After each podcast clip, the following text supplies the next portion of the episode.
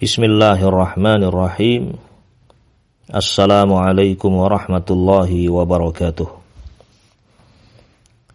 Innal hamdalillah nahmaduhu wa nasta'inuhu wa nastaghfiruh wa na'udzu billahi min shururi anfusina wa min sayyiati a'malina.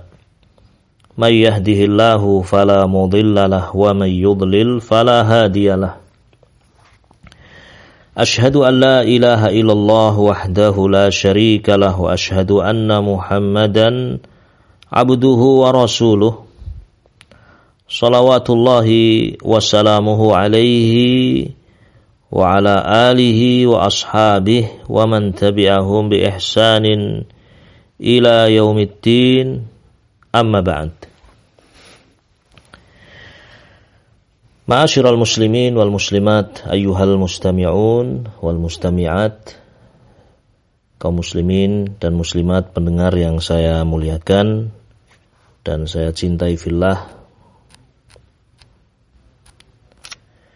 Pada kesempatan yang mulia ini marilah kita bersyukur kepada Allah Azza wa Jal atas segala nikmatnya atas kita semuanya. Nikmat yang zahir, nikmat yang batin, nikmat yang tampak, nikmat yang tidak tampak. Nikmat yang tidak bisa kita menghitungnya. Terlebih nikmat iman kepada Allah Subhanahu wa taala. Dan ini adalah seagung-agung nikmat. Nikmat kita mengucapkan syahadatain asyhadu an la ilaha illallah wa asyhadu anna Muhammadar Rasulullah. Nikmat kita meyakini bahwasanya Allah Subhanahu wa taala adalah satu-satunya ilah yang hak. La ilaha tidak ada ilah yang berhak untuk diibadai illallah kecuali Allah. Nikmat kita mengucapkan kalimat ini, nikmat kita meyakini kandungannya, dan nikmat ketika kita dimudahkan untuk beribadah hanya kepada Allah dan meninggalkan kesyirikan-kesyirikan. Karena inilah ikhwatil kiram, asyiral muslimin, kebahagiaan seseorang.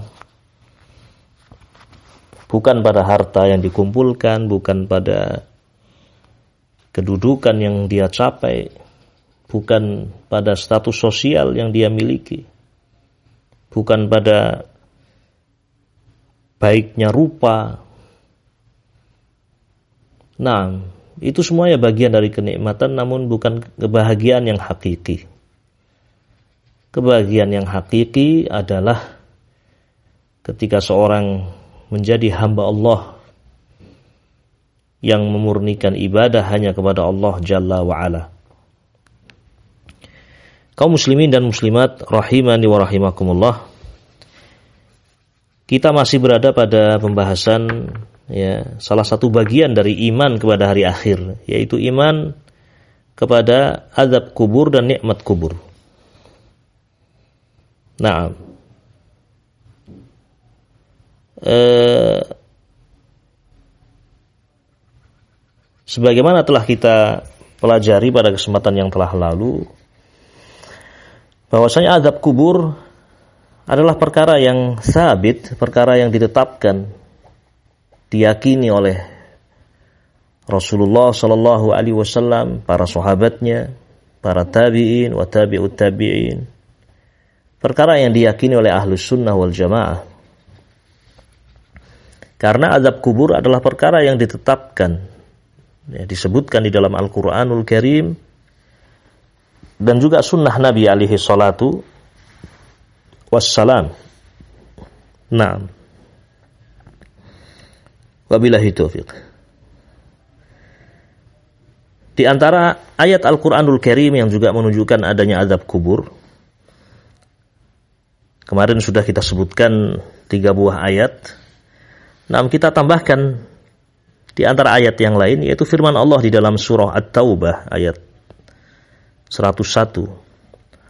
Allah Subhanahu wa taala berfirman, "Sanu'adzibuhum marratain, thumma yuradduna ila 'adzabin 'adzim." Thumma yuradduna ila 'adzabin 'adzim. Allahu Jalla wa Ala berfirman dalam ayat ini, sanu'adzibuhum sungguh kami Allah akan mengazab mereka marrotain dua kali. Summa yuradduna kemudian mereka dikembalikan ila azabin azim kepada azab yang pedih. Nah, berarti di sini ada tiga hukuman, tiga azab yang Allah berikan kepada orang-orang kufar.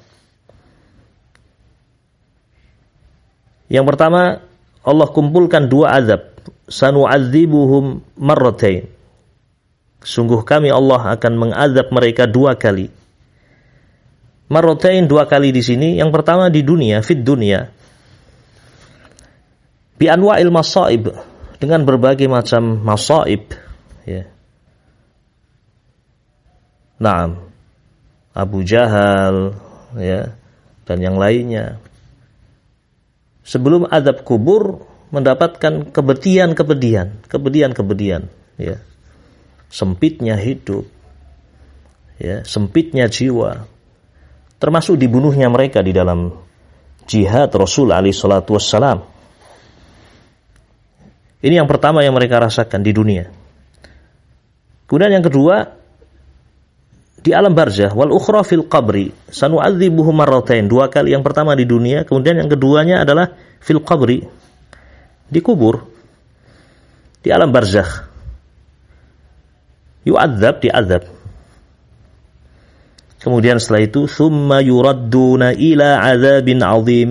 Kemudian mereka dikembalikan yakni ya dilanjutkan dengan azab yang azim yang besar. Di mana itu finnar di dalam neraka. Nah, demikian firman Allah Subhanahu wa taala di dalam surah At-Taubah ayat 101. Dan apa yang kita sebutkan ini ya, tafsir azab marotain dua kali ini dengan apa yang menimpa mereka di dunia kemudian setelah itu di alam barzakh ini diriwayatkan dari sahabat Abdullah bin Abbas radhiyallahu taala anhuma. Nah, ahli tafsir Al-Qur'an, para sahabat Nabi ridwanullah alim ajma'in, ibnu ammi Rasul alaihi salatu wassalam. Putra paman Rasul alaihi salatu wassalam. Yang dijuluki dengan Habrul Ummah, ulama umat ini. Demikian diriwayatkan dari Ibnu Abbas. Dan ini juga e, diriwayatkan dari Eh, Mujahid ditafsirkan oleh Mujahid Ibn Jabr Al-Makki wa Qatadah nama Ibn Di'amah As-Sedusi wal Hasan Al-Basri dan inilah yang dipilih oleh Ibnu Jarir At-Tabari di dalam tafsir beliau. Nah, uh, ayat ini, ya, ayat ini di antara ayat yang juga disebutkan oleh Al-Imam Al-Bukhari rahimahullah. Dari ayat ini ayat di dalam surah Taubah ayat 101 di antara ayat yang disebutkan oleh Al-Imam Al-Bukhari dan beliau adalah imam dari a'immah ahli sunnah. Beliau sebutkan di dalam sahihnya ya. Taib di mana salah satu bab di dalam sahih Bukhari adalah babun majaa fi azabil qabri. Bab tentang adanya azab kubur Kemudian beliau menyebutkan beberapa ayat di antaranya ayat ini. Firman Allah Subhanahu wa taala sanu'adzibuhum marrataini thumma yuradduna ila adzabin azim. Ma'asyiral muslimin rahiman rahimakumullah. Kita berpindah insyaallah setelah menyebutkan beberapa ayat dan masih ada ayat-ayat yang lain yang itu merupakan dalil ya eh, adanya azab kubur kita memasuki adillah minas sunnah. Dalil-dalil dari sunnah Nabi Ali Shallallahu Wassalam. Hadis-hadis Nabi Ali Shallallahu Wassalam tentang azab kubur itu demikian banyak. Ya, bahkan sampai kepada derajat mutawatir. Sebagaimana telah kita sebutkan pada pembahasan yang telah lalu, ya, isyarah bahwasanya eh, Al-Kittani rahimahullah ya di dalam kitab beliau An-Nadhmul Mutanasir beliau mengumpulkan hadis-hadis yang mutawatir di antaranya adalah hadis-hadis tentang azab kubur. Ya, beliau mengumpulkan 32 riwayat dari sahabat Nabi Ridwanullah alim ajmain tentang azab kubur. Ya. Dan ahlu sunnah wal jamaah satu saja ada hadis yang sahih. Maka ahlu sunnah menetapkan, meyakini. Karena itu sabda Nabi alaihi salatu wassalam. Walaupun diriwayatkan oleh satu orang sahabat. Tetapi itu sahih dari Nabi alaihi salatu wassalam. Kita meyakininya. Demikian pula dua, tiga, empat. Ya, terlebih sampai derajat mutawatir. 32 orang sahabat meriwayatkan ini. Meriwayatkan tentang adanya azab kubur. Nah, dan insya Allah Ta'ala pada kesempatan kita kali ini kita akan mendengarkan beberapa riwayat. Ya, beberapa hadis tentang uh, azab kubur. Beberapa hadis tentang azab kubur.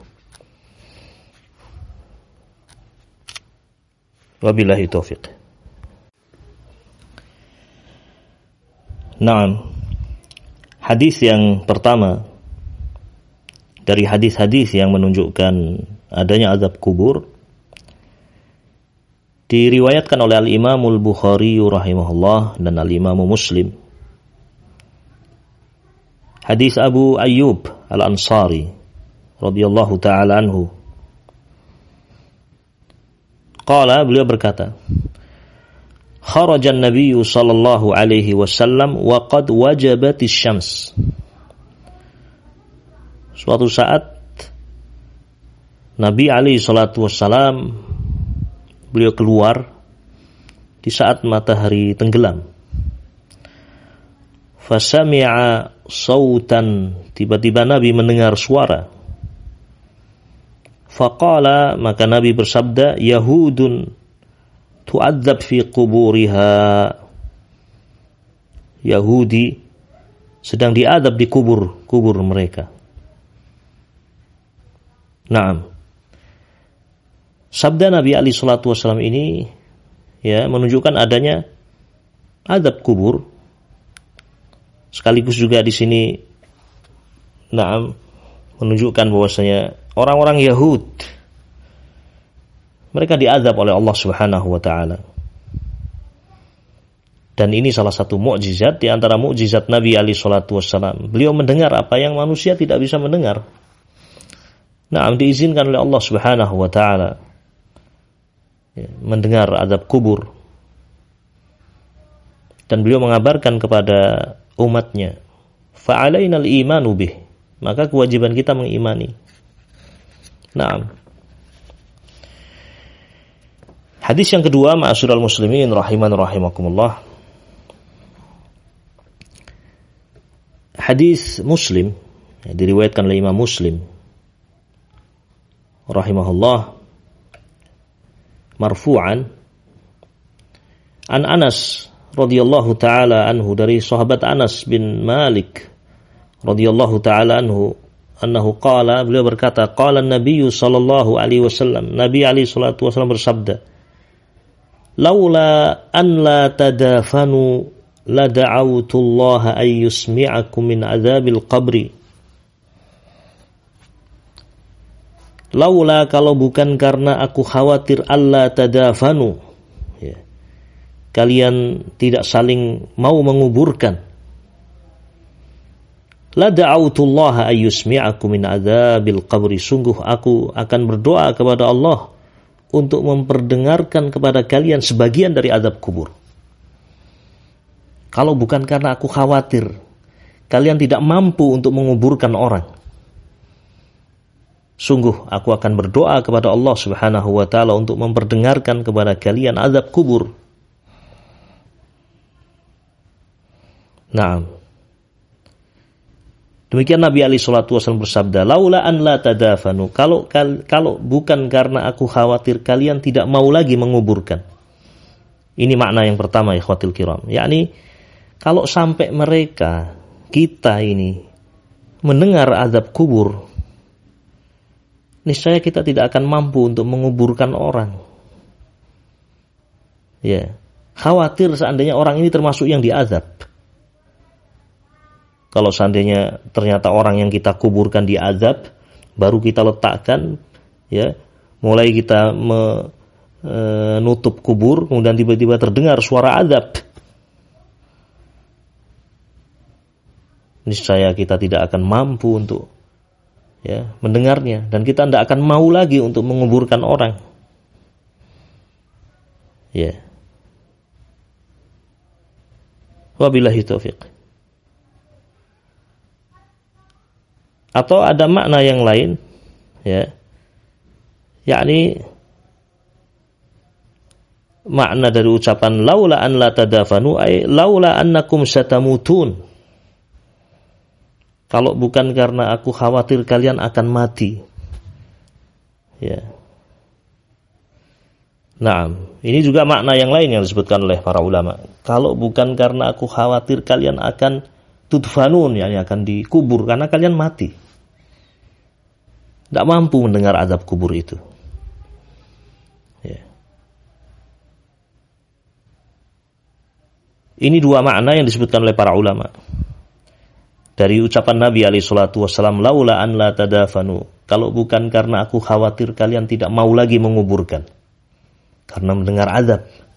Atau mana yang kedua, kalau bukan karena aku khawatir kalian akan mati karena tidak mampu mendengar azab. La da'autullah sungguh aku akan mintakan kepada Allah, aku akan berdoa kepada Allah an yusmi'akum min azabil qabri untuk memperdengarkan azab kubur. Nah, berarti azab kubur ada. Dan mungkin untuk didengar. Jika Allah berkehendak ya orang akan mendengar. Namun manusia tidak mampu untuk mendengarnya. Nah, dan di antara hikmah Allah Allah jadikan ini perkara yang gaib. Sebagai ujian bagi kita semuanya. Apakah kita mengimani atau kita tidak mengimani.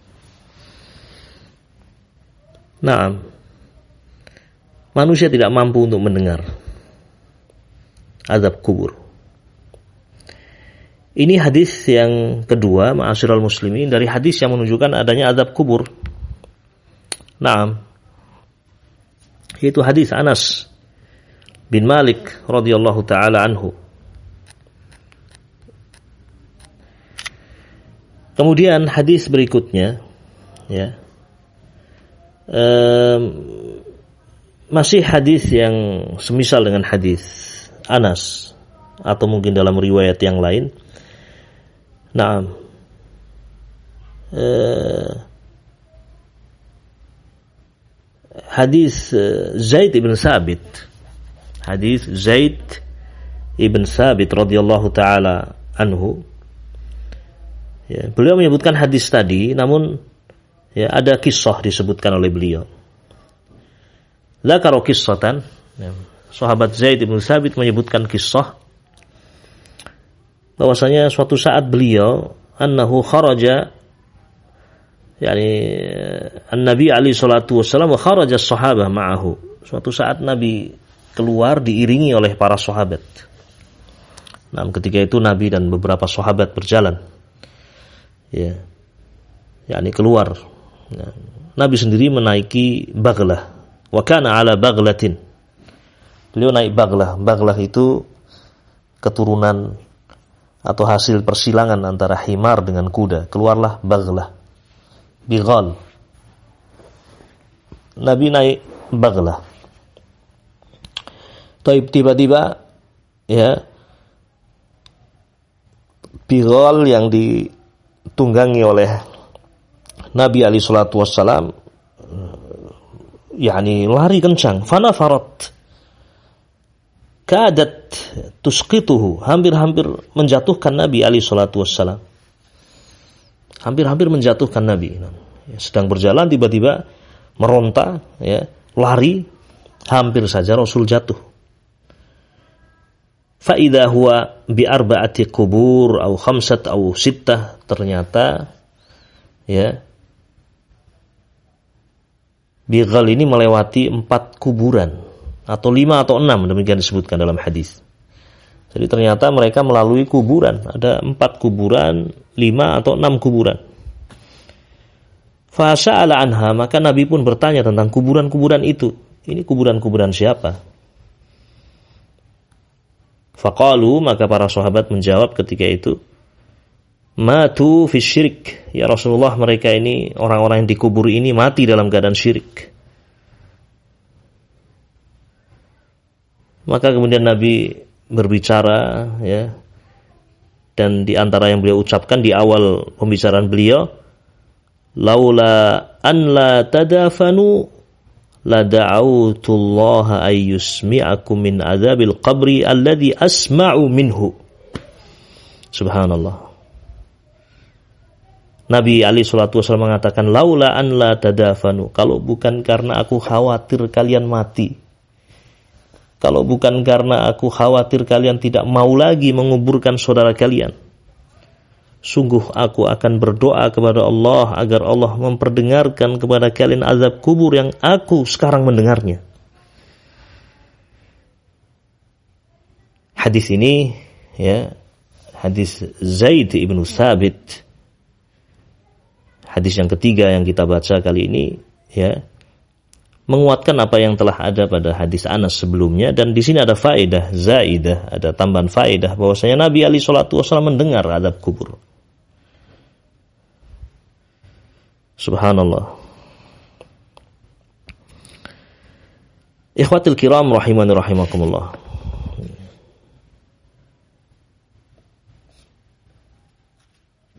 Kemudian di antara dalil yang menunjukkan adanya azab kubur ya, hadis yang keempat. Nah eh, kisah Nabi Ali Shallallahu Wasallam melewati dua kuburan ya. Dua kuburan dari kuburan orang yang beriman namun ya melakukan dosa nah yang menjadikan diazab oleh Allah Subhanahu wa taala. Nah Taib. Disebutkan dalam riwayat uh, Al-Imam Al-Bukhari dan juga Al-Imam Muslim. Nah, marra Ar-Rasul alaihi salatu wassalam bi qabrain. Suatu saat Nabi alaihi salatu wassalam beliau melewati kuburan. Nah, dua buah kuburan. Kemudian tiba-tiba Nabi mengatakan innahuma la yu'adzaban. Innahuma la yu'adzaban. Sungguh keduanya ya sedang diazab wa ma yu'adzabani fi kabirin wa ma yu'adzabani fi kabirin dan tidaklah keduanya diazab ya.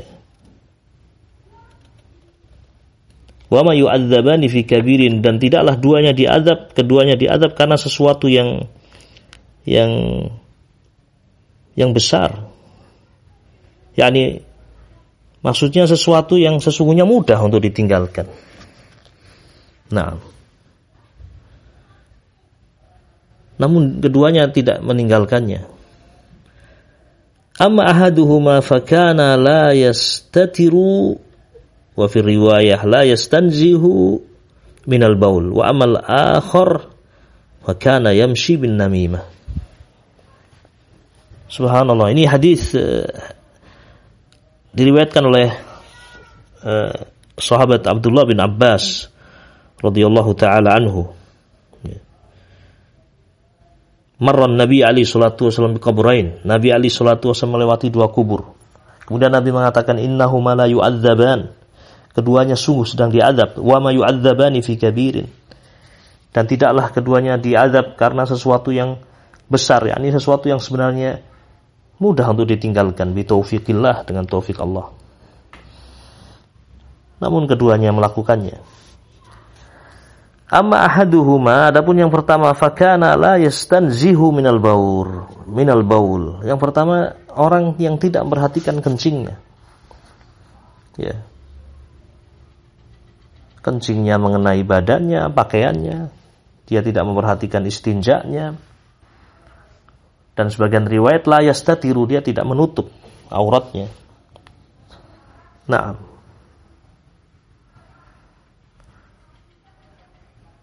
Adapun yang kedua fakana yamshi bin namimah. Adapun yang kedua dia berjalan dengan namimah mengadu domba. Mengadu domba. Taib. Hadis ini juga menunjukkan adanya azab kubur, ya. Ini hadis yang keempat, yaitu hadis Ibnu Abbas radhiyallahu taala anhuma. Ikhwatil kiram rahimani rahimakumullah. Di antara dalil yang juga menunjukkan adanya azab kubur, hadis yang keenam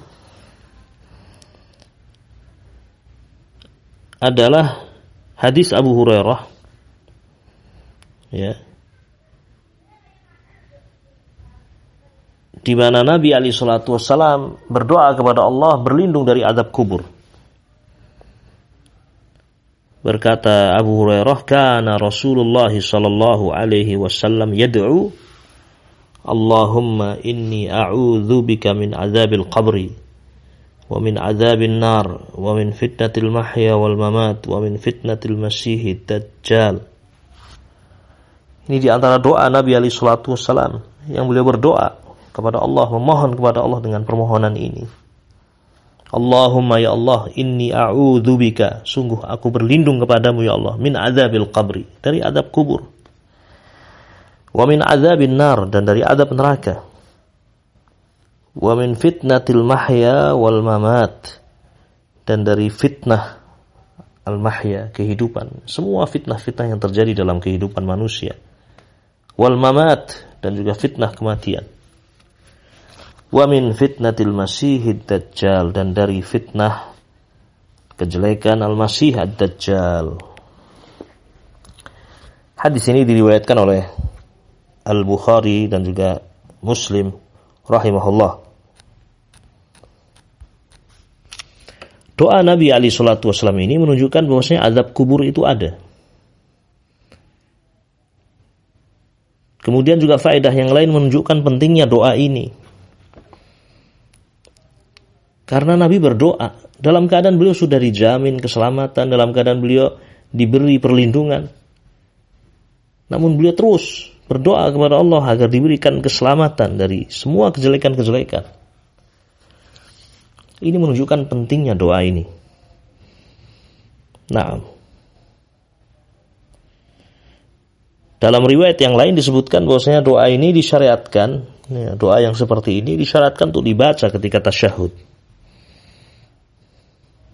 Nabi bersabda, "Idza tasyahhada ahadukum falyasta'id." Nah, jika kalian bertasyahud maka mintalah perlindungan kepada Allah dengan ini. Ya. Falyasta'id billahi min arba' mintalah perlindungan kepada Allah dari empat perkara. Yaqul yaitu engkau katakan Allahumma inni a'udzubika min azabi jahannam wa min azabil qabri wa min fitnatil mahya wal mamat wa min syarri fitnatil masihi dajjal. Naam. Wabillahi taufiq.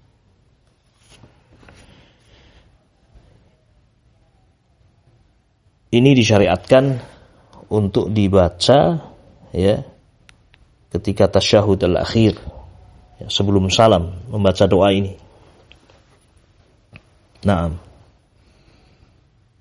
e, baik itu sholat wajib atau sholat sunnah disyariatkan untuk membaca doa ini berlindung kepada Allah dari empat perkara. Wabillahi taufiq. terkait dengan doa ini ya dari riwayat-riwayat yang ada disimpulkan bahwasanya Nabi Ali Shallallahu Wasallam ya beliau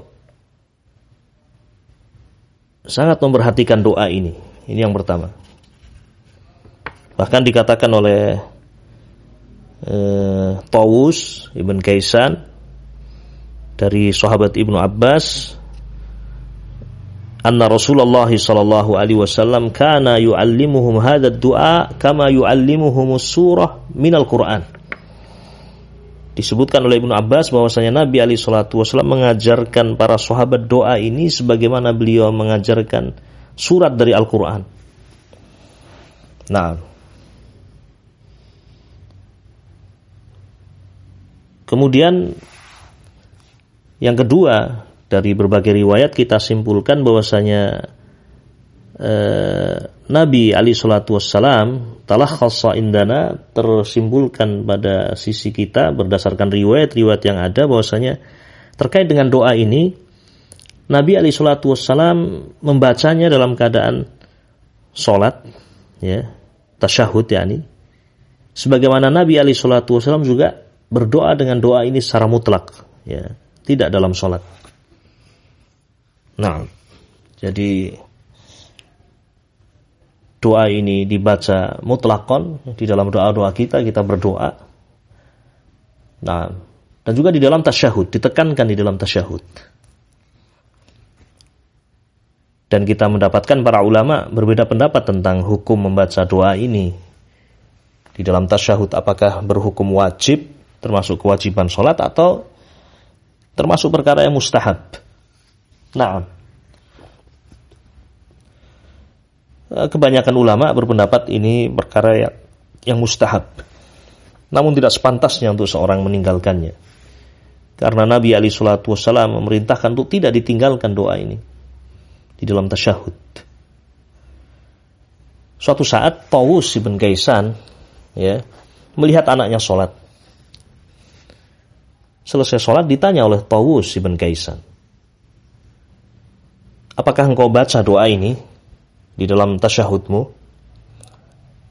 Setelah tasyahud kamu baca doa ini, Allahumma ini a'udzubika min azabi jahannam wa min azabil qabri wa min fitnatil mahya wal mamat wa min syarri fitnatil masihid dajjal. Kata anaknya, tidak. Saya tidak membacanya. Maka Tawus berkata kepada anaknya, ulangi sholatmu. Nah, pendidikan seorang ayah yang sangat berharap kebaikan anaknya. Ya. Taus memerintahkan anaknya untuk mengulangi sholatnya karena tidak membaca doa ini. Demikian ma'asyiral muslimin rahiman rahimakumullah di antara hadis yang menyebutkan tentang adanya azab kubur. Kita memohon kepada Allah Subhanahu wa taala bi asma'ihil husna dengan nama-namanya yang maha indah dan sifat-sifatnya yang maha tinggi. Kita memohon semoga Allah Subhanahu wa taala melindungi kita semuanya, keluarga kita dari api neraka. Dari adab kubur, dari fitnah kehidupan, fitnah kematian. Sungguh hanya Allah sajalah yang bisa memberikan perlindungan-perlindungan itu maka sudah seharusnya ma'asyiral muslimin kita amalkan doa yang diajarkan oleh Nabi Ali Shallallahu Wasallam kepada para sahabatnya sebagaimana beliau mengajarkan Al-Quran. Kita baca doa yang Nabi berpesan untuk selalu kita baca di dalam tasyahud. Dengan itu semoga Allah Subhanahu wa taala menjadikan kita sebagai hamba-hamba Allah yang diselamatkan dari azab kubur, dari kesempitan-kesempitan yang ya eh, dihadapi oleh seorang hamba di dalam perjalanannya yang panjang. Ini barangkali sedikit yang bisa kita sampaikan. Ya, mudah-mudahan berfaedah dan bermanfaat untuk kita semuanya. Wasallam ala nabiyyina Muhammad wa ala alihi wa ashabi ajma'in. Subhanakallahumma wa bihamdika asyhadu an la ilaha illa anta astaghfiruka wa atubu ilaik. Assalamualaikum warahmatullahi wabarakatuh.